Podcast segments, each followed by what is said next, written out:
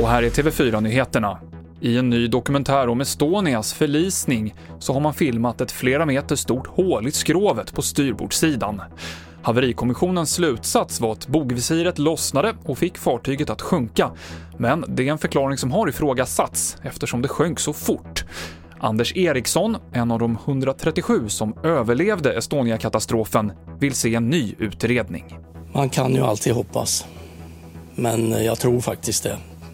Det måste, om det finns någon form av, av eh, ryggrad i, i människorna som var med på den tiden så måste de tala ut nu.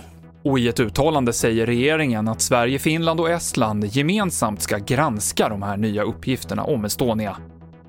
USAs president Donald Trump har knappt betalat någon inkomstskatt överhuvudtaget på senare år. Det här avslöjar New York Times, som har granskat hans deklarationer. Men själv avfärdar Trump det hela som fake news.